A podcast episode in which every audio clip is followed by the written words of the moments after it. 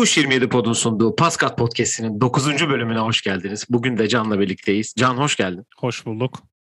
Evet, sen dün aslında Paskat'ı e, başlatmıştın yeni sezonunu. E, dün bir konuğunla beraber bir Fenerbahçe değerlendirmesi yapmışsın.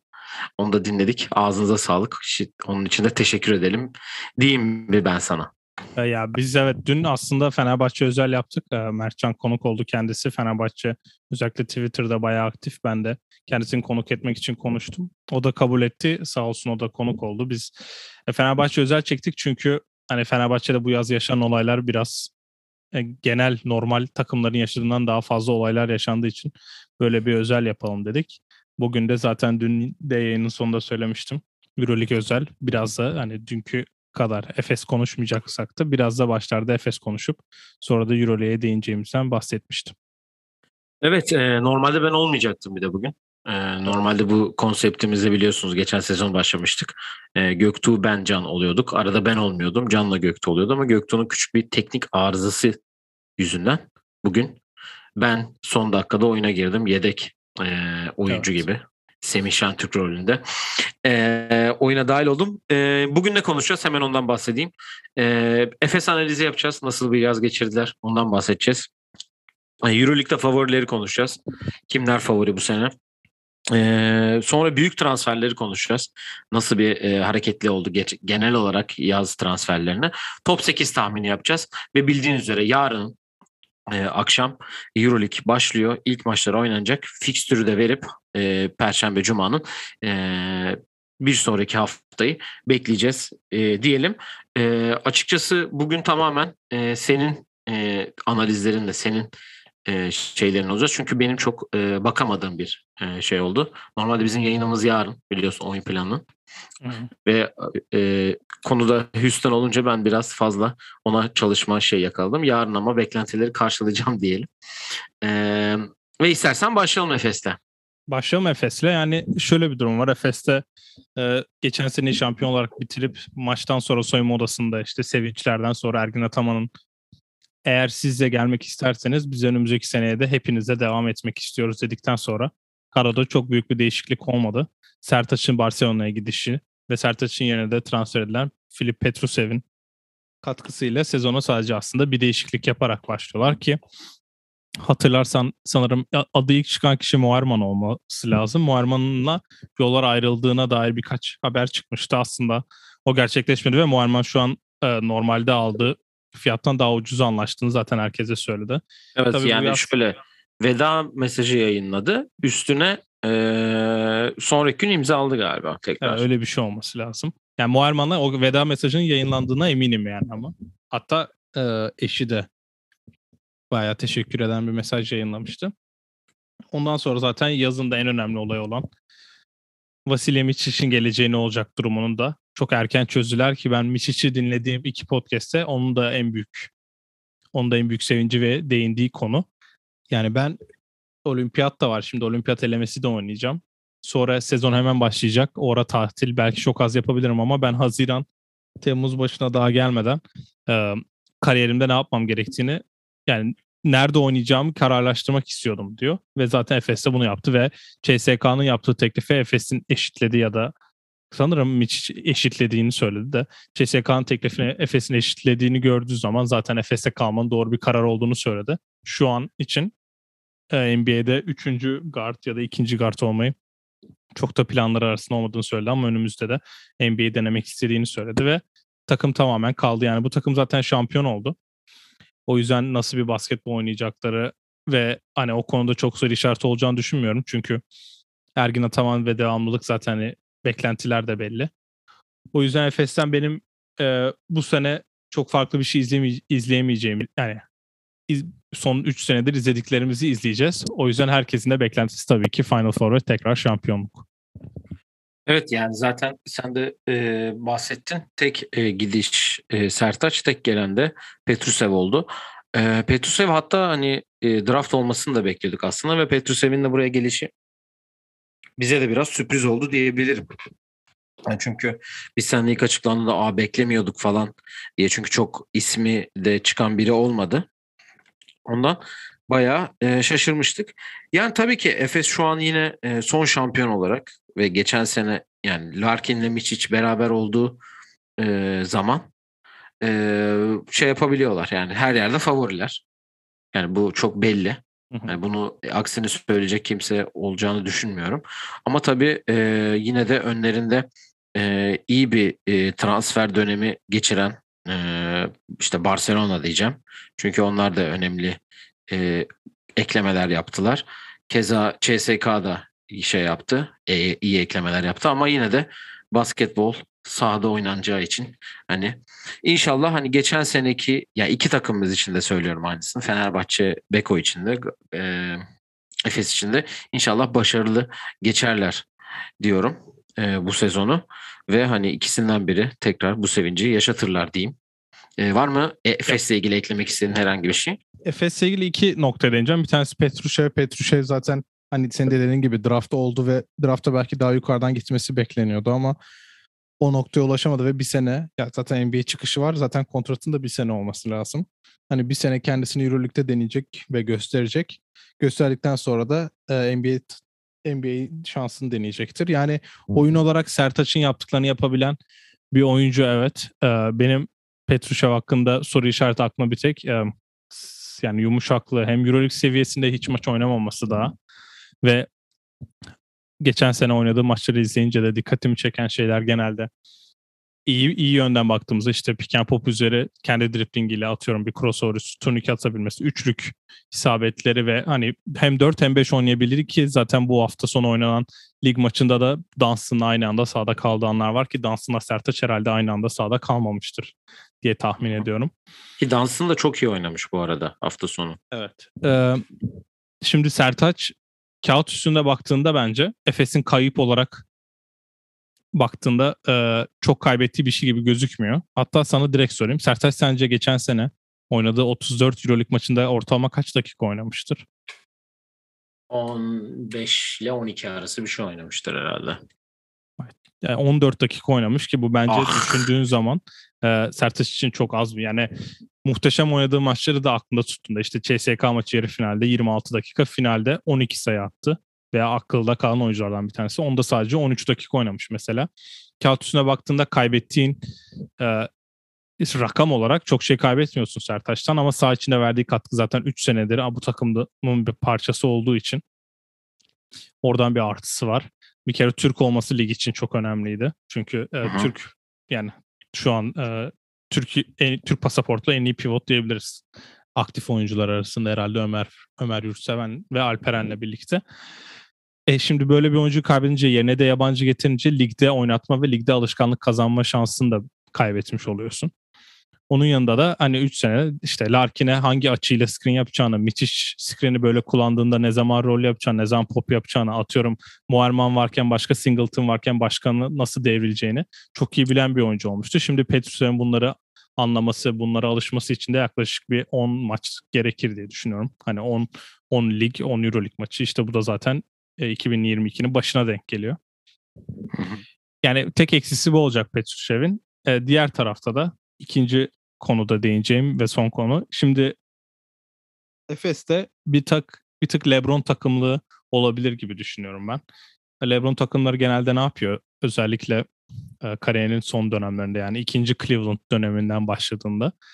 Hani LeBron takımları sezonu çok kasmadan bu Lakers'la ilk şampiyon olduğu sene hariç çok kasmadan hani biz ilk dörtte bitirelim. ilk turda ev sahibi olsun. ikinci, üçüncü turda ev sahibi olmadan da biz zaten final yaparız havasına girip normal sezonu bir tık daha laçık oynayıp sene, sene sonu geldiğinde de playoff'lara doğru vites arttırmayı tercih ediyorlar ki hani bu elinizde LeBron varken ve zaten hani playoff'larda deplasmanda maç kazanan biri varken çok önemli bir detay ve Efes'te de bu şimdi aynı kadro dördüncü yılına giriyor.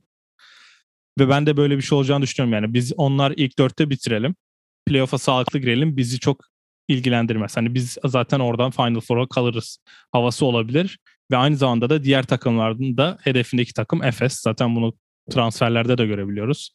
Hani iki gardı durdurma adına yapılan hamlelerin hepsi bu yaz yapıldı denebilir. O yüzden hedef tahtasındaki takım da Efes ama sanki Efes birinci ya da ikinci olmasa da onlar onlar için okey gibi düşünüyorum. Yani hatta direkt örnek de vereyim. Ee, ilk maç Real bu hafta oynayacakları. İkinci maçta da CSK. Efes 0-2 başlasa hiç panik yapmasına bile gerek olmaz diye düşünüyorum. Ee, yani katılıyorum dediklerinde. Ben hani bu geçen sefer e, NBA yayını yaptığımızda Milwaukee için aynı şeyi söylemiştim. Hani bir rahatlama bir hani bu beklenen şampiyonluğun hani hep geçen sezon kazanıldığında da 3 senedir beklenen 3 senedir olmamız gereken şampiyonluk tarzı şeyinde bir rahatlık olabileceğini düşünüyorum. Onun vermiş olduğu nasıl diyeyim bir rehavet de olabilir. Ama hani bir üstünden baskı gitti gibi takımın. O rahatlama var, o şey var. Ondan hani e, daha rahat bir basketbol, daha sakin e, başta koç olmak üzere tabii ki daha sakin olabileceklerini düşünüyorum. Ama tabii bir yandan hani 0-2'de başlarlarsa panik yapacak da bir durum yok. Daha sonra diğer takımlardan e, daha iyi olduğunu zaten hani Ergin Hoca'nın yaptığı en iyi şey hani her zaman kendi takımının zaten eğer başarılıysa, şampiyon da olduysa zaten hani biliyor ki en iyi e, back şu an onlardaki en iyi backcourt onlarda ligdeki. Evet. Hani Larkin ne Miçic yani hani diyecek ki ben en iyi backcourt ben de. Geçen seneden oyuncularım var. Yeni şeylerim. Yeni oyuncularım yok. E, takımı biliyorum. Ben yine belli bir viteste hani işte ortalama bir viteste giderim, giderim. ikinci olurum, üçüncü olurum. Çıkarım altıncı gelir, o gelir, bu gelir. Onları eler. Rahat bir Final Four'a giderim gibi. Gözüküyor Efes'in yolu tabii ki de şimdi. Ama e, katılıyorum yani bu düşük viteste gitmenin daha normal olabileceği e, kanaatindeyim Efes anlamında. Çünkü hani bu takım hani hep diyorlardı dördüncü senesine girdi yani. Bir de bu alışkanlık biliyorsun yani. ikimiz de basketbol oynadık ve özellikle mesela uzun süreli oynadığın takımlarda artık hani kaybetmen gereken maçları bile kazanacağın yerler oluyor sırf alışkanlıktan. Yani sırf mesela Boboa'nın iyi oynadığı bir maça denk gelip başka bir takımda olsa Boboa'yı atıyorum kenara alman gereken bir anda bir şey yapman gerekiyorken sırf alışkanlıktan Bobo Hasan o maçı alabilir, Simon o maçı alabilir. Yani sırf böyle Hı-hı. alışkanlıklardan e, Efes'in zaten çok büyük avantajı var. Ama dediğim gibi diğer takımlarda Efes'i direkt yenmeye geliyor ve yenmeye kurulan takımlar da var. O yüzden onu da görmek güzel olacak. Evet, bu sene herkes Efes'i yenmek isteyecek hatta direkt. Aynen öyle. Diyebiliriz. Diyelim ve Efes'in ilk rakibine geçelim. Ee, benim ya şimdi açıkçası çok transfer piyasasını takip edemedim. Hani kim geldi kim gitti diye ama şimdi önüme kadroları açtığım zaman gördüm. E, favorilere geçelim buradan sonra istersen ki Real Madrid baş favorilerden biri. Çünkü e, Nigel Williams-Goss, Thomas Hurtel, Adam Hanga Barcelona'dan, e, Vincent Poirier geçen sene süre almamıştı. E, ve Görşan Yabusele geldi. E, evet. Şu an kadroda Anthony Randolph'u var var. Ben göremiyorum. E, şu an Eurolig'in kendi şeyindeyim de. Yo var. Anthony, Anthony Randolph şu an benim önümdeki kadroda yok. Ee, ben var diye biliyorum. Yani. Usman Garuba gitti ha, buradan. Evet. Onu da söyleyeyim official, burada. Official Euroleague kadrosunda Anthony Randolph yazmıyor. Evet Anthony Randolph yazmıyor şu an benim önümdeki kadroda. Yani kaybettikleri şey tabii ki Garuba oldu. Draft olduğu için. Hani onlar hmm. için büyük bir e, kayıp gibi gözükse de ama yani hem Yabusele hem de e, kimi dedim? Ha Poirier Geçen sene oynamamıştı zaten. O ikisini getirdiler. E, bir de Laprotilova'yı e, Barcelona'ya kaptılar ama onu da Adam Hanga ile sanki böyle takas etmişler gibi oldu. E, J.C. Carroll yok bu arada. E, bu sezon. Hani şu an gözükmüyor kadroda da yok. Önümdeki kadroda. Yani sence Real Madrid nasıl bir e, bounce back yapacak? Çünkü e, onlar için aslında kötü biten bir e, sezon oldu. Hani belki Simon sokmasa onlar Final Four'daydı be. Ama sezon içi çok çalkantılı bir dönem geçirdiler. Ve hamlelere de bakıldığı zaman e, iyi hamleler yaptıklarını ben kendim düşünüyorum açıkçası. Bir kere e, şöyle bir düzeltme yapayım. E, Garuba yok dedin. Giden Garuba Osman Garuba. E, evet, Garuba'nın kardeşi var. Sedik Garuba var 2004'te. Evet onu, onu biliyorum. Dipnot olarak getirdim. Ee, şöyle bir durum var. Ben de bu arada Real Madrid'i en büyük favorilerden biri olarak görüyorum. Sakatlık sıkıntısı yaşamadıkları zaman ki sakatlık dediğin an akla gelen belirli isimler var. Yani Lul mesela en başta. Lul'un eksik olmadığı ve atıyorum Nigel Williams-Goss'un da bir anda eğer e, takıma uyum sağlarsa ilk iki favorisi olarak görüyorum ben Real'i. Şimdi bu Anthony Randolph'un kadroda olmaması beni biraz düşündürmeye başladı. Çünkü hani Anthony Randolph da katıldığında yani inanılmaz bir kalite bolluğu oluyordu takımın elinde. Hem Yabusele hem Randolph 4 numarada 5'te zaten Tavares Poirier ki bu sene bu yaz olimpiyatlarda biz Gobert Poirier'in birlikte oynayıp Amerika'yı yendiği maç en azından o ikisi birlikte oynayarak iyi performans sergiledi. Bu arada Felipe Reyes de çok affedersin emekli olmuş. Evet sonunda Öyle sağ olsun.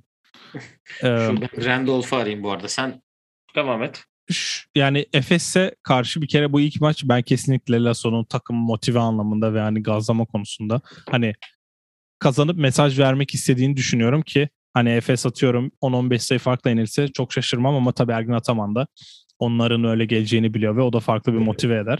Onun dışında Adamanga'nın geçen sene finalde neden oynamadığını çok sorgulamıştık. Saras'ın büyük bir hata yaptığından bahsetmiştik. Bir takımlar e, Efes'i durdurmaya kuruluyordan bahsettiğimin en önemli parçası buydu. Hani Real'in Hanga'yı alması direkt guard savunmasında bir oyuncu daha fazla kullanması için. E ben Hörtel'i aslında beğenen biriyim. Hörtel'in bu takıma katılması hani geçen seneden belli. Ve o geçen seneki muhabbet olmasa yazın Real alır mıydı onu bilmiyorum. Çünkü e, Hörtel'i ne kadar çok sevsem de hani Final Four oynayıp şampiyon olma hedefi olan bir takımın ikinci gardı ya da atıyorum orada 15-20 dakika oynayabilecek bir guard seviyesinde mi? Onunla, o konuda hala soru işaretleri var. Yani artık herhalde olmaz gibime geliyor. Zaten 32-33 yaşına geldi. O guard konusunda sıkıntı yaşamadıkları sürece ve Nigel Williams-Goss'a burada biraz sorumluluk düşüyor. Ben Lasso'nun e, öğretici sistemiyle birlikte ben bu takımın en azından ilk ikide bitireceğini ve en büyük favorilerden biri olduğunu düşünüyorum ama yani geçen sene de belki böyle başladılar ama işte Campazzo gitti. Sezon ortasında Dek gitti. Ona rağmen e, şampiyonu 5 maça kadar götürdüler playoff'ta. O yüzden biliyorsun sezon içi aslında Real'i değerlendirmek daha kolay olur. Yani e, nasıl olacağını e, dediğin gibi sakatlıklar onların en büyük e, düşüncesi e, olacak. E, yani şu an Anthony Randolph'u arıyorum hala. Çünkü geçen gün onunla ilgili bir e, tweet görmüştüm. E, açıkçası hani Lasso ile alakalı Lasso'nun e, attırdığı recovery continues yazıyor. Ha okey. Demek hmm. ki sakatlığı var hala. Ya yani o zaten e, nasıl diyeyim ciddi bir sakatlık geçirmişti bu arada. Aşil tendonu mu koparmıştı? Bağını mı koparmış? Ya Galiba aşil ya da. Şuradan son tweetlerine Trey Tompkins de yok bu arada kadroda. Ayrılmadı galiba. Diye yok yok ayrılmadı. Trey Tompkins ayrılmadı. İkisi de kadroda yok. İkisinde sakat olduğu yazıyor. Hmm, Okey. Ee, Real Madrid ile ilgili yani geçen sezon eğer ki o sakatlık olmasaydı hani belki daha yukarıda olurlar mıydı? Ee, olabilirlerdi çünkü Randolph onlar için çok büyük bir şeydi ama onların en büyük kaybı guard sıkıntısı oldu. Hem e, işte Campazzo'nun gidişi, Lul'ün sakatlığı bir türlü orada yedek e, guard'da sıkıntı yaşadılar aslında uzun bir süre ama bu sezon sanki onu çözmüş gibiler. Hem e, Toma Örtel hem e, şey neydi çocuğun adı Nigel Williams, Nigel Williams Goss iyi olacaktır onlar için. Ben hani Efes'ten sonra en ciddi onları görüyorum aslında e, favori. E, uzunlar biraz daha öne çıkıyor sanki gibi görüyorum. Hani hem Yabusele hem Poirier hem işte Tavares nasıl bir e, uzun rotasyonu yapabilir Lasso? Bunu e, bir sorayım sana. Çünkü e, Tavares çoğu yani Efes'e karşı sahada kalamadı biliyorsun. Evet. Yani e, şimdi Yabusele geldi. Yanına Poirier geldi ki Poirier de Tavares'ten sadece 7 santim kısa. Hani bunlar da en Yabusele de doğru bir e, fit olmadı. NBA'de biliyorsun uzun bir süre. E, sence e, bu üçünün e, yani savunma ve ofansta ha, e, nasıl bir şeyde olurlar? Bir de tabii kanat savunmacısı için de Adam Hanga geldi. Onu e, nasıl bir şey yaparsın ki Real Madrid'de burada bitirelim sonra. Ya zaten uzunlarda şimdi dediğin gibi ikisi de çok farklı. Yani zaten Tavares sağdayken e, sağdaki 9 kişi Tavares basketbolu oynamak zorunda. Çünkü yani Rudy Gobert'in aslında Avrupa kasası ama kurallar Gobert'in e, kurallar Gobert'in e, Tavares'in Avrupa'da yaptığı katkısı yapmasına izin vermiyor NBA'de. Yani savunma 3 saniyesi dediğin an zaten Gobert'in aktifliği bitiyor ki. Yani onu da gördük e, Clippers serisinde. E şimdi Tavares savunma 3 saniyesi olmadığı için direkt hani paint'te bekliyor ve zaten hani her sene neredeyse blok kralı ve savunmada caydırıcı oluyor. Şimdi Poirier hücum anlamında daha farklı bir daha farklı bir göz getiriyor ve hani seçim anlamda şimdi NBA kadar yükselmiş bir oyuncu ve sonuçta kalitesi de ortada. Ben o yüzden Poirier'in zaman zaman maçları atıyorum domine etmese bile hücum anlamında Real'in onun üzerinden oynayabileceğini düşünüyorum. Ya bu seride de şöyle bir düşüncem var. Tabii ki Garuba kadar muhteşem bir savunmacı değil. Olsa zaten e, NBA'de kalıcı olurdu. Ama Garuba gibi bazen kısa kısa 5 e, pivotu ya da işte onun etrafına atletik kişiler şimdi durumları belli değil ama tabii Trey Tompkins ve Anthony Randolph ya da ikisinden biri ile birlikte Yabusele yani 4-5 yapıp hani Dunstan, ay Dunstan diyorum. Singleton'ı 5 numarada kullandığı Efes'in 5'leri gibi öyle bir deneme yapılabilir mi? Onu da göreceğiz. O yüzden Yabusele hakkında bir de böyle fizikli ve güçlü oyuncular böyle yani realde şimdi Anthony Randolph gibi daha böyle klas oyuncular oynuyor ya. Yabusele de bir tık tersi bu oyunculardan. işte Lul, Reyes hep böyle daha klas oyuncular oynuyor şimdi Yabusele tam onun zıt bir kişilik. O yüzden onu da merak ediyorum nasıl kullanacak Lasso. Bir de onlar muhteşem bir Süper Kupa oynadılar. Farklı gerideyken Lul'ün son çeyrek kahramanlığıyla öyle bir duygusal bir giriş yaptılar sezona. Ama şimdi Euroleague'e de duygusal bir giriş yapmak zorundalar. O yüzden ilk maç olmasa bile bir üçüncü, dördüncü maçta biz Real'in nasıl bir takım olacağını göreceğiz ki zaten ilk maç Efes'te oynuyorlar. Beşinci maçta da yine İstanbul'da Fener'le oynuyorlar. Yani Fener maçına çok formda bir Real gelebilir.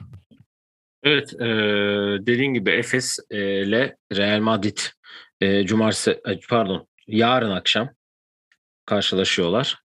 E, saat kaçta? Saat 21.45'te e, olacak maç. E, diyelim İspanya'da kalalım ve Barcelona'ya geçelim istersen. Çünkü e, aslında nasıl diyeyim hızlı bir e, şey geçirdiler.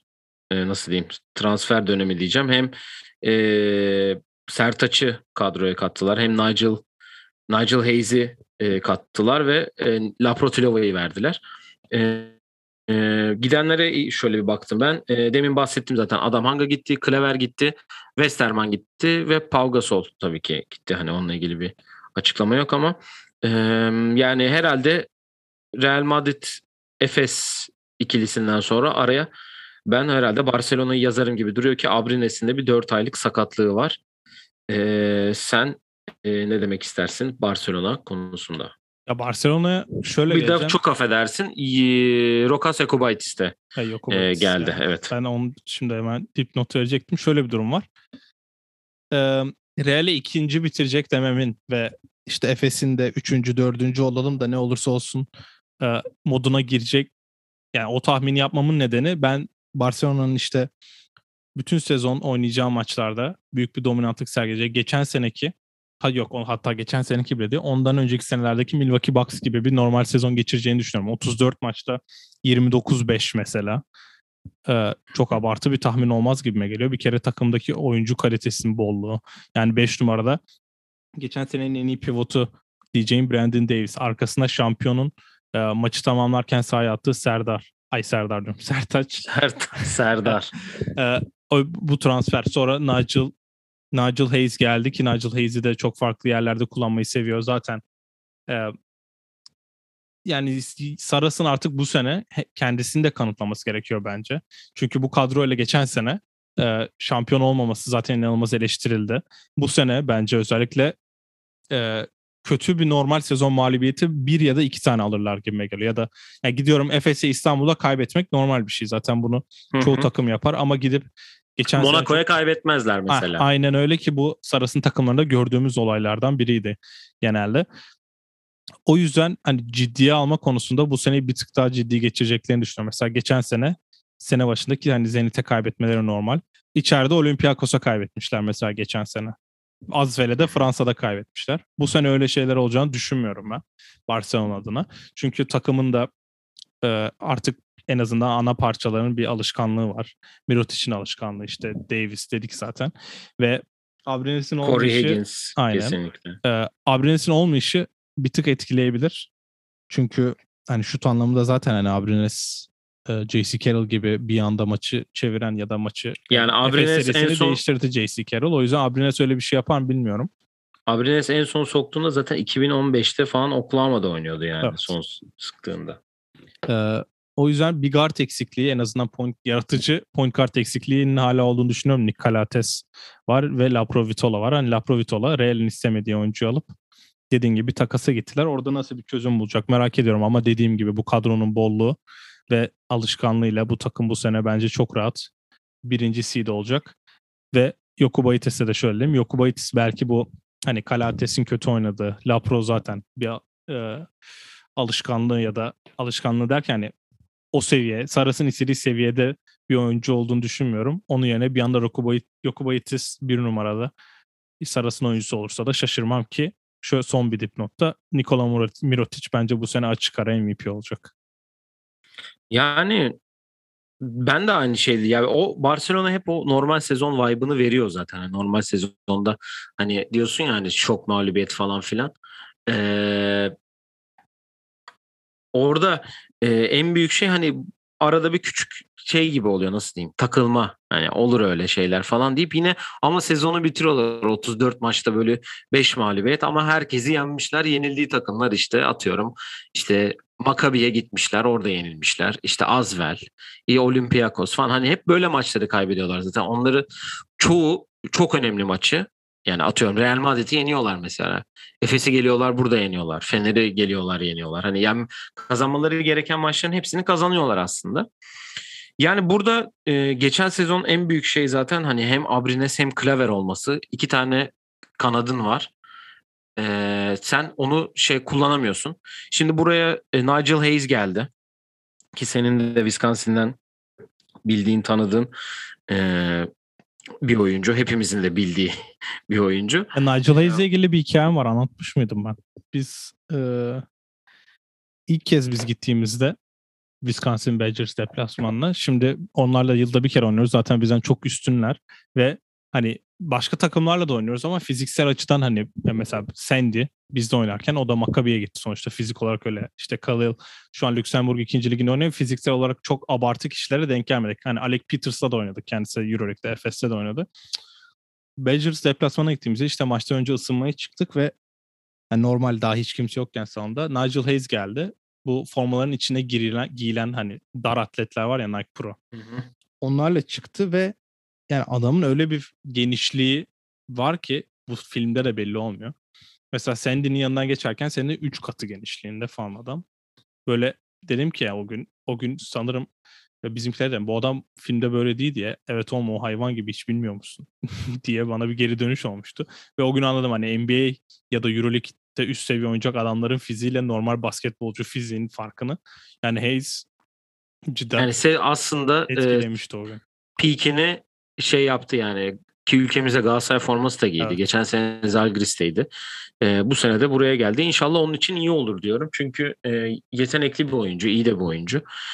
E, en son Barcelona ile ilgili e, tabii ki inşallah Sertaç'ta güzel ve başarılı bir sezon geçirir diyelim.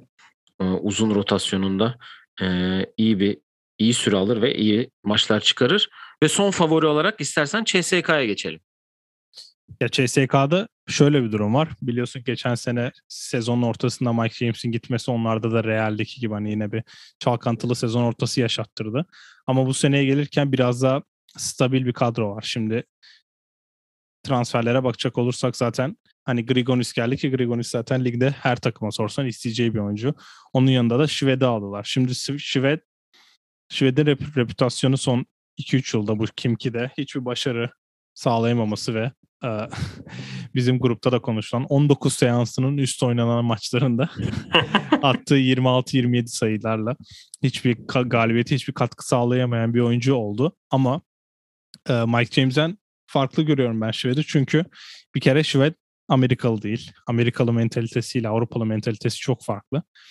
Ve işte kendi ülkesinin en büyük takımına geliyor olması ki daha önce de yanlış hatırlamıyorsam CSK'da oynadı. Oynadı evet evet. Ee, şimdi CSK'da şöyle bir durum var. Bu takımın lideri belli. Bu takım Etiudis'in takımı. Etiudis gördüğümüz gibi Mike James'i istemiyorsa Mike James bu takımda oynamaz. Şved'i istemiyorsa Şved de bu takımda oynayamaz. E böyle bir güç varken bu takımın başında Şved'in ben Şved yani CSK ay pardon Kim ile Şved olmaya çalıştığı an direkt o fişi çekileceğinden haberi vardır diye düşünüyorum. Çünkü ya Mike James'e bunu yapan Şvede çok rahat da yapar. Ee, bir röportajında Şvede biz 15-20 dakika bandında kullanıp ondan en çok kat, ondan maksimum verim almayı planlıyoruz demiş. Öyle bir şey olur mu ona çok emin değilim onu söyleyeyim. Çünkü Şved hani dakika ortalamasında da öyle az oynayan bir oyuncu değil zaten.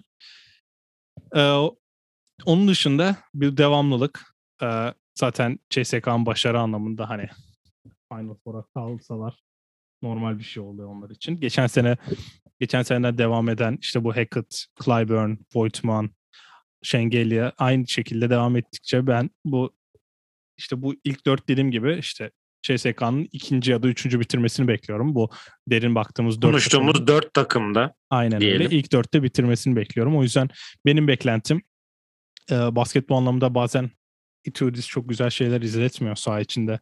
E, özellikle hani setlere falan dikkat eden kişiler bir Obradovic kalitesinde o kalitede bir şeyler beklemesin ama kazanma dediğin zaman Itudis zaten bu kazanmayı CSK'da yapıyor ki aynı zamanda onda Yunanistan milli takım başına geçtiğinde belirtmiş evet olalım. şimdi senin bitirmeni bekliyordum ki sen Peki o konuda bir şey sorayım ben sana. Sence e, Yanis'in e, milli takıma o milli takımda oynayacağına söz vermesinden sonra kendisi mi demiştir ben gelirim diye yoksa direkt ona mı gitmişlerdir sence?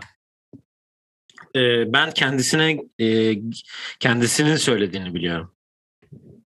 Yani, Yani demiş ben ki ben olurum. Yunanistan milli takımından teklif gelirse kabul ederim tarzı bir teklif şey söylemiş. Üstüne böyle bir teklifte bulunulmuş. O da herhalde şeyden sonra o da Yanis'in dediklerinin Yanis'in Üstünedir herhalde. Gördükten sonra bir olta atmıştır. E, Valla Chess, yani CSK ile ilgili ben de küçük e, birkaç şey söyleyeyim. Yani e, ismi zaten Final Four, Final Eight yapıyor yani. Hı. Son, e, Itudis zaten iyi bir koç olduğunu zaten hep gösteriyor. Eldeki malzeme de iyi. Clyburn olsun, işte Şengelya olsun. Geçen senenin finalisti sonuç olarak bu takım. Hı. Yok pardon. Geçen senenin Final Four oynamış takım. E, Daniel Hackett'lar, işte Voigtman'lar, e, Mulitinov'lar bu ligi çok iyi bilen oyuncular. E, onun için hani çok fazla bir onlar zaten sezon başında kaybetmişlerdi Mike James'i ama yine de ona göre bir kendi basketboluyla Itudis Ife, e, Lumberg'le Ife Lumberg'le götürmüştü yani biliyorsun konuştuk zaten biz de. Evet. Şimdi Şved'in buraya nasıl bir fit olacağı önemli. Ee, yani ben de bu konuştuğumuz dört takım içinde kendilerinin de normal sezonda iyi olup ama tabii Final Four e, olunca işler değişiyor onun, onun içinde. Ee, ya bu dört takımı biz konuştuk ama e, ben bir Milano'da konuşmak istiyorum. Çünkü geçen senenin e, nasıl diyeyim Final Four oynadılar. Geçen senenin üçüncüsü oldular hatta. E, iyi de hamleler yaptılar bu yaz. E, Melli gibi, Jaren Grant gibi, Troy Daniels e, geldi ki başta bir sakatlığı varmış bu arada. Baş e, ki onlar da CSK ile oynuyorlarmış ilk maçı bu arada. Ya, Onu da söyleyeyim. Evet. Troy Daniels geldi bir de e, Devon Hall gelmiş. E, gidenlerde de e, tabii ki hani Kevin Panther yok, Mitchell yok, Jeff Brooks, Zach Lee'de, Jeremy Evans gidenler arasında ama e, Messina e, hocam bir türlü e, bir şeyler yapacaktır diye düşünüyorum. Bu arada bu ilk dört takım bahsettik. Bizim Euroleague'i en çok sevme ve takip etme nedenlerimizden biri olan da bu dört takım. Şu bu yani ilk yayından söyleyeyim. Bu dört takım dördü de Final Four'da olmayacak. Zaten Euroleague'in en Evet. nedenlerinden biri de bu. Geçen senenin sürprizi olarak mesela Milano. Evet. Diyeyim. Yani Bayern bile neredeyse 2-3 topla kalamadı Final Four'a. Şimdi Milano'da senin dediğin gibi e, geçen seneki başarıdan sonra Kevin Panther gibi çok önemli bir oyuncuyu kaybettiler ve aynı zamanda Zach Lee'de de takımdan ayrıldı. E, ve bu durumda bir anda yani Milano evet böyle yıldızların mesela Larkin Miçic gibi iki yıldız hani ikisi 25-25-50 atar diyeceğin iki oyuncu yok. Ama ona rağmen bir başarının ge- getirdiği 6-7 oyuncu varsa da ikisini kaybetmek çok önemli oldu. Derken yerine bence Nicola Melli hamlesi çok önemli oldu. Çünkü Melli e, bizim geçen sene Mirotic'ten beklediğimiz liderliği yani Mirotic de biliyorsun çok iyi istatistik yapıyor da sağ içi liderliğini ve o sorumluluğu alabilecek oyuncu. E, Fenerbahçe'de oynadığı dönemden de bunu biliyoruz. Finalde e, hatırlıyorsan e, Fener'de finalde kaybettiklerinde işte Melli muhteşem maç çıkarmıştı. Sonra birkaç eleştiri almıştı işte Melli bu kadar tek başına bireysel iyi oynadığı için mi Fener finali kaybetti diye. Ama kaybeden takımda da o kadar iyi oynamak özellikle Euroleague finalinde çok kolay değil. Ben o yüzden Melli zaten biliyorsun Euroleague'de kaptanlara yapılan ankette de en çok heyecan veren transfer olarak seçilmiş. Onun dışında Troy Daniels gibi bir şutör Avrupa'da görmek güzel olur. Ben zaten bir 3-4 yıl geç kaldığını düşünüyorum. O yani sırf şutörlüğünden Avrupa'ya düşmesi gerekiyordu ama NBA'de hep şans buldu. Artık sonunda yolu buraya geldi. Jerry Grant Yunanistan'daydı. Çok e, Euroleague seviyesi mi? Onu bir 5-6 maçta anlarız gibi geliyor ama işte bu Messina'nın NBA'den geliyor olması ve Amerikalılara farklı şekilde e, konuşabiliyor olması. Bakması. Aynen ve farklı şekilde bakıyor olması ona yardımcı olur. Ya benim beklentim tabii ki ilk dördü zorlamayı deneyeceklerdir ama yani benim gerçekçi olarak bakarsak çok orayı zorlayabileceklerini düşünmüyorum. Çünkü hem alışkanlık olarak hem e, ya geçen seneki Bayern kadrosu muhteşem değildi ve altında bitirdiler. Değil mi? Yanlış hatırlamıyorsam. Yani altında bile bitirmeselerdi 4-5 bitirdiler. O yüzden sadece Nikola Melli geldi de bir anda takımı ilk üçe soktu diye bir performans beklemiyorum.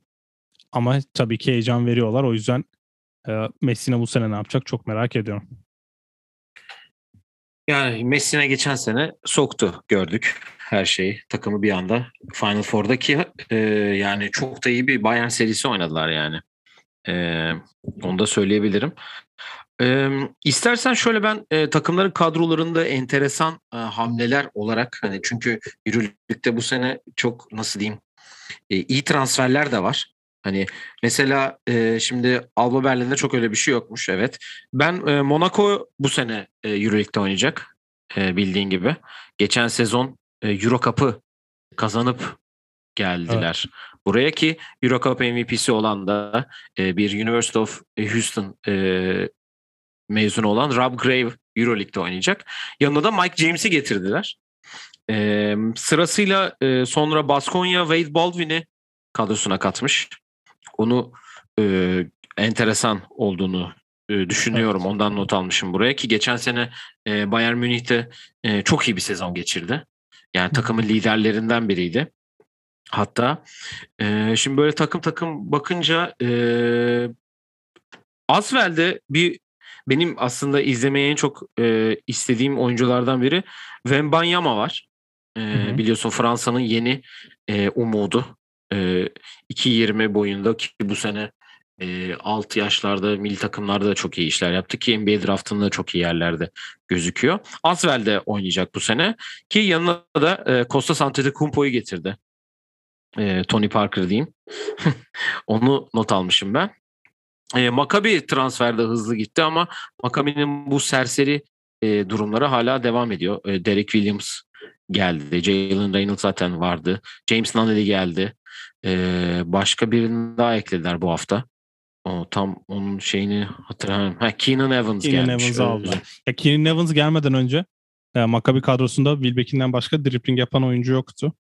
O yüzden Nitekim Tyler Tyler Dorsey de Olympiakos'a gitmiş bu arada. Şimdi Olympiakos kadrosunu da açıp baktığımda ee, dikkat çeken oyuncular Mustafa Fall e, Olympiakos'un yolunu tutmuş.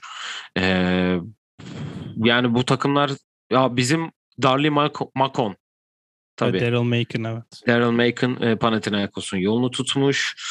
E, Jeremy Evans Panathinaikos'a gelmiş. Bu arada, Ve asıl bence ha. en büyük e, iki tane yani şu, şu son Zenit'e de bir bakacağım. Çünkü öbür iki takımın çok enteresan transferleri var. Onları aslında bir e, senden bir Wembanyama diyeceğim. Ne diyeceğim ben bu Wem Banyama. Devam edelim. Victor deyip aynen Victor deyip devam edelim. Victor yorumu e, merak ediyorum. Daha alt yaş gruplarına e, nazaran. Daha şöyle bir şey durum ve var. tabii ki Kostas için de bir yorum yapar. Ya şöyle bir durum var. Asvel'de e, başarı endeksi bir durum yok ki. Asvel yanlış hatırlamıyorsam geçen sene 2 sene 2 ya da 3 senelik A lisansına A lisansı verildi. Çünkü hem yeni kadro pardon yeni salonla yapıyorlar. Ee, ve hani Tony Parker'ın da gücü evet var ama arkasında çok büyük destekçileri de var ve bu destekçilerin zaten kurulan kadro ve Tony Parker'ın da beklediği e, Euroleague'de hemen gidip biz Final 8 kadrosu kurup Final Four zorlamalık bir kadro yapmayalım. Ki istese bence yaparlar bütçe. isteseler cidden oralara çıkarlar gibi geliyor. Ama kurulan kadroda e, Victor ve Wembanyama var. Kostas Antetokounmpo var. Ki hani Fransız olması okey Victor'un ama gelişmeye anlamında Tony Parker'ın takımı olduğu için şimdi bütün maçlarda NBA scoutları gelecek. NBA scoutları geleceği için Kostas'ı da aldı. Aynı zamanda Phoenix Suns seçmişti yanlış hatırlamıyorsam ya da illaki Phoenix oynadı diye hatırlıyorum. Eli Okobo da geldi. Guard. Yani bu oyuncuların gelişimi için hani Asfer şöyle bir şey yapabilir. Ben Euroleague'de bu oyunculara 10 dakika oynatacağım ve gelişecekler ve buna da göz yumacağım. İstersem kaç 34 maç dedik değil mi? 34 17 17 bitireyim. İstersem 10 24 bitireyim. Bunlar beni ilgilendirmiyor. Victor oynasın, Kostas oynasın ve ben bu oyuncuları kazanıp atıyorum. İşte buyout'uyla, draft'ıyla neyse NBA'ye geri yollayayım havası var şu anlık. Bilmiyorum Tony Parker'ın kendi e, açıklama olarak en azından böyle bir açıklaması var ama verilen mesaj bu yönde. Burada zaten Maccabi'den de tanıdığımız Bursa'da oynamıştı yanlış hatırlamıyorsam. Chris Jones da var. Onu da belirteyim. Hı hı. Yani oyun izleme anlamında biraz da tempolu böyle Bu sene tak- izletirler biraz. Aynen diyorsun. büyük takımların böyle y- 104-90 falan yeneceği tarzı bir, birkaç basketbol maçı izletiler bize. Transfer anlamında sen zaten herkes saydın benim dikkatimi çeken özellikle Martin Schiller kendisi G-League'den geldiği için NBA'den tanıdığı büyük ihtimalle oyunculardan biri olan Emmanuel Mudiay'ı getirdi. Mudiay Şimdi oraya son üç oynadı. takım son üç takımım kalmıştı aslında. Oraya girecektim ben de. Ee, Baskonya'ya getirdi bu arada onu da. Zalgiris'e getirdi. Çok özür dilerim. Zalgiris'e getirdi. Ee, son üç takım kalmıştı. Sen devam et bu arada. Ben Ee, öbürlerine Şöyle bir durum vardı. E, Moody'de biliyorsun yaz ligi oynadı ve kontratında çıkış vardı. Bu aslında biraz e, Larkin'in imzaladığı sözleşmeye benziyor. ilk sözleşmesine en azından. Hani böyle bir durum var. Sen gel NBA çıkışın varsa biz seni bırakacağız. Bunu Ergen Atama zaten geçen sene de söylemişti. Moody de aynı şekilde bunu yaptı. Yokken kendisini kanıtlamak için bir şans tanınıyor burada. Şimdi Geoffrey Lauvergne de orada. En- Ulanova da Shane orada. Larkin. Martin Schiller. Shane Evet. Larkin kontenjanı diyoruz biz Aynen bu öyle. oyunculara artık. yani eskiden derdik bence. Çünkü Shane Larkin kontenjanı şu an ligde e, Türk pasaportuyla oynayan yabancılar sanki Shane Larkin kontenjanı Yok, hayır. o Emir Prezic kontenjanı mı? Yok şey diyebiliriz Moody'ye için. Yani e, NBA'de kontrat arayı, arayıp hani çünkü sonuçta Larkin de NBA'de kontrat aradı. NBA kontratı bulamadığı için EuroLeague'e geldi. Ve EuroLeague'de de başarılı oldu. MVP oldu. Müthiş sezonlar geçirdi. Herkes onu konuştu. Ve belli ki bir NBA kontratı aldı bu sene. Ama kendisi Efes'te kalmak istedi. Hani insanların hani geri dönüp baştan başlama. Mesela şimdi Zenit'e bakıyorum. Shabazz Napier var. Onu sakatlık geçirmiş. Evet, Hani çok durumu- üzücü oldu. Yerine adam arıyorlarmış bu arada. Bayağı ciddi bir sakatlık geçirmiş ki onlar da Pangos'u çok iyi değiştirmişlerdi ki Pangos da şeye gitti. Ee, yani Moody'ye için büyük bir şans. Ee, yani çok büyük bir yetenek olarak NBA'ye girmişti biliyorsun ki girmeden hani kolejden koleje gitmeden Çin'e gitmişti. Yanlış hatırlamıyorsam. Çin'de Evet, oynamıştı bir bir süre. Sonra draft olmuştu. Ee, yani son takım bu sene tekrar EuroLeague'e dönen Unix kazan. Neden enteresan? Çünkü yani e, O.J. Mayo'yu getirdiler. Çok e, o da çok büyük bir yetenek olarak e, NBA'deyken Kadroda yazmıyor. olması. Yarın oynamıyor herhalde. Ya da cuma ise E, şu yukarıdaki yukarıdaki e, haberde şu an ben görüyorum. Ama şey Hatta- kadroda yok hani e, Anthony Randolph gibi. Aynen. E, Perasovic bu arada koçları ve kadroya baktığınız zaman da e, Aja Kenan, e, geçen sene Evet, Fenerbahçe'de üstün oynayan rakısı Lorenzo efsanesi. Brown, Üstün rakıs efsanesine değinecek misin diye bekliyordum. Gerald Brantley gelmiş. Mario Hezonya e, burada. Tonya Jekiri e, ve Andrei Voronsevic de burada. Yani enteresan bir takım olmuş Unix. Öyle diyeyim. Evet. Ya yani ben şimdi burada O.J. Mayo'da nasıl benim beklentim Peresovic hani ne yapacağını biliyor ve yani burada yıllardır zaten Euroleague'de. Ama böyle bir kadro işte Hezonya'nın 25-30 top atacağı, Lorenzo Brown'un o seviyelerde oynayamadığını biz zaten geçen sene yakından takip ettik. Bu kadro ne kadar başarılı olur çok emin değilim. Isaiah Cannon zaten o Tony Tony Daniels'la birlikte hani şütör kontenjanından katılmış oldu. Ki yani ki geçen sene de Aja Kenan e, çok affedersin burada oynamış. Ben Hı hı. kaçırmışım ki 9. haftada Euro Cup'ta MVP seçilmiş. İşte ama Euroleague seviyesi mi bunu hep birlikte göreceğiz. O CMO'nun gelmesiyle ya o CMO Mario Ezonya kavgası bir 3-4 hafta hemen olur gibime geliyor. Hemen başlar mı diyorsun? Aa, göreceğiz bakalım. Ee, senin konuşmak istediğin, bahsetmek istediğin herhangi bir takım var mı? Ee, yoksa hemen fikstürü verip e, sona gelelim mi? Yani bir yok çünkü hani bir her takımı görmek lazım. Şimdi artık bu takımlar e, kendi liglerinde oynadığı zaman mesela Türkiye'de biz takip ettiğimiz için Türkiye'yi hemen görüyoruz da diğer ülkelerde de kendi liglerinde oynadığı maçların çok önemi kalmıyor. Çünkü kurulan kadrolar işte lig dördüncüsüyle birincisi. Yani bize atıyorum Daçka'nın bitireceği yerde Efes'in yani hem bütçe hem de kalite farkı inanılmaz oluyor. Diğer takımların da kendi liglerindeki farkı böyle. O yüzden Euroleague'de görmek gerekiyor. Sonuçta Euroleague'de 34 maçlık bir başka bir lig oldu. O yüzden bu ilk maçları izledikten sonra herkes hakkında e, daha fazla bilgi edinebiliriz. Sakatlıkları olan takımlar var. Napier'dan bahsettim. Çok büyük bir eksik. O yüzden hani bir ilk iki, üç hafta geçsin sonra herkes için daha anlamlı bir yorum yapabiliriz. Evet, e, ben hemen e, iki günün programını da vereyim maç programını. E, yarın saat 7'de Unix kazan Zenit'le başlıyor Euroleague. E, arkasına 20.45'te Fenerbahçe Beko Kızıl Yıldız'ı ağırlayacak. Sonra 21 seansında Azvel Zalgiris'i Olympiakos'a Baskonya'yı ağırlayacak. Gecenin son maçında da Barcelona Alba Berlin'i e, kendi evinde ağırlayacak. Cuma günü e, ise pardon bu Cuma günü programıymış. Çok pardon. Benim hatam. E, Önemli değil. Perşembeyi de var. Perşembe günü e, asıl Euroleague Monaco ve Panathinaikos'ta başlıyor. E, 21.05'te Maccabi Tel Aviv Bayern Münih'i ağırlayacak. 21.30'da Olimpia Milano CSK'yı ağırlarken gecenin son maçında da Real Madrid son şampiyon Anadolu Efes'i kendi evinde ağırlayacak. E, senin eklemek istediğin herhangi bir şey e, var mıdır? Bir daha ne zaman görüşeceğiz? Yani sen bir daha ne zaman Paskat'ı yapacaksın? Haftaya herhalde bir ilk hafta sonucu gördüklerimizi bir hani overreaction yapıyoruz ya NBA'de de burada da yaparız Aha. gibime geliyor. Evet zaten e, geçen sezon Final 8'ten önce başlatmıştık konseptimizi. Bu sene uzun süre yapacağız. Yarın e, oyun planının yeni bölümü var. Onu yapacağız. Sezon başlıyor. Az kaldı. E, onun da heyecanı sardı diyelim. E, eklemek istediğin herhangi bir şey yoksa kapatalım. Yok. Et TUS27 Pod, Instagram, Facebook, Twitter, e, Spotify, Apple Müzik her yerden bizleri takip edebilirsiniz. Sorunlarınız varsa yollayabilirsiniz. Bir sonraki yayında görüşmek üzere diyelim. Kendinize iyi bakın. Hoşçakalın. Hoşça kal.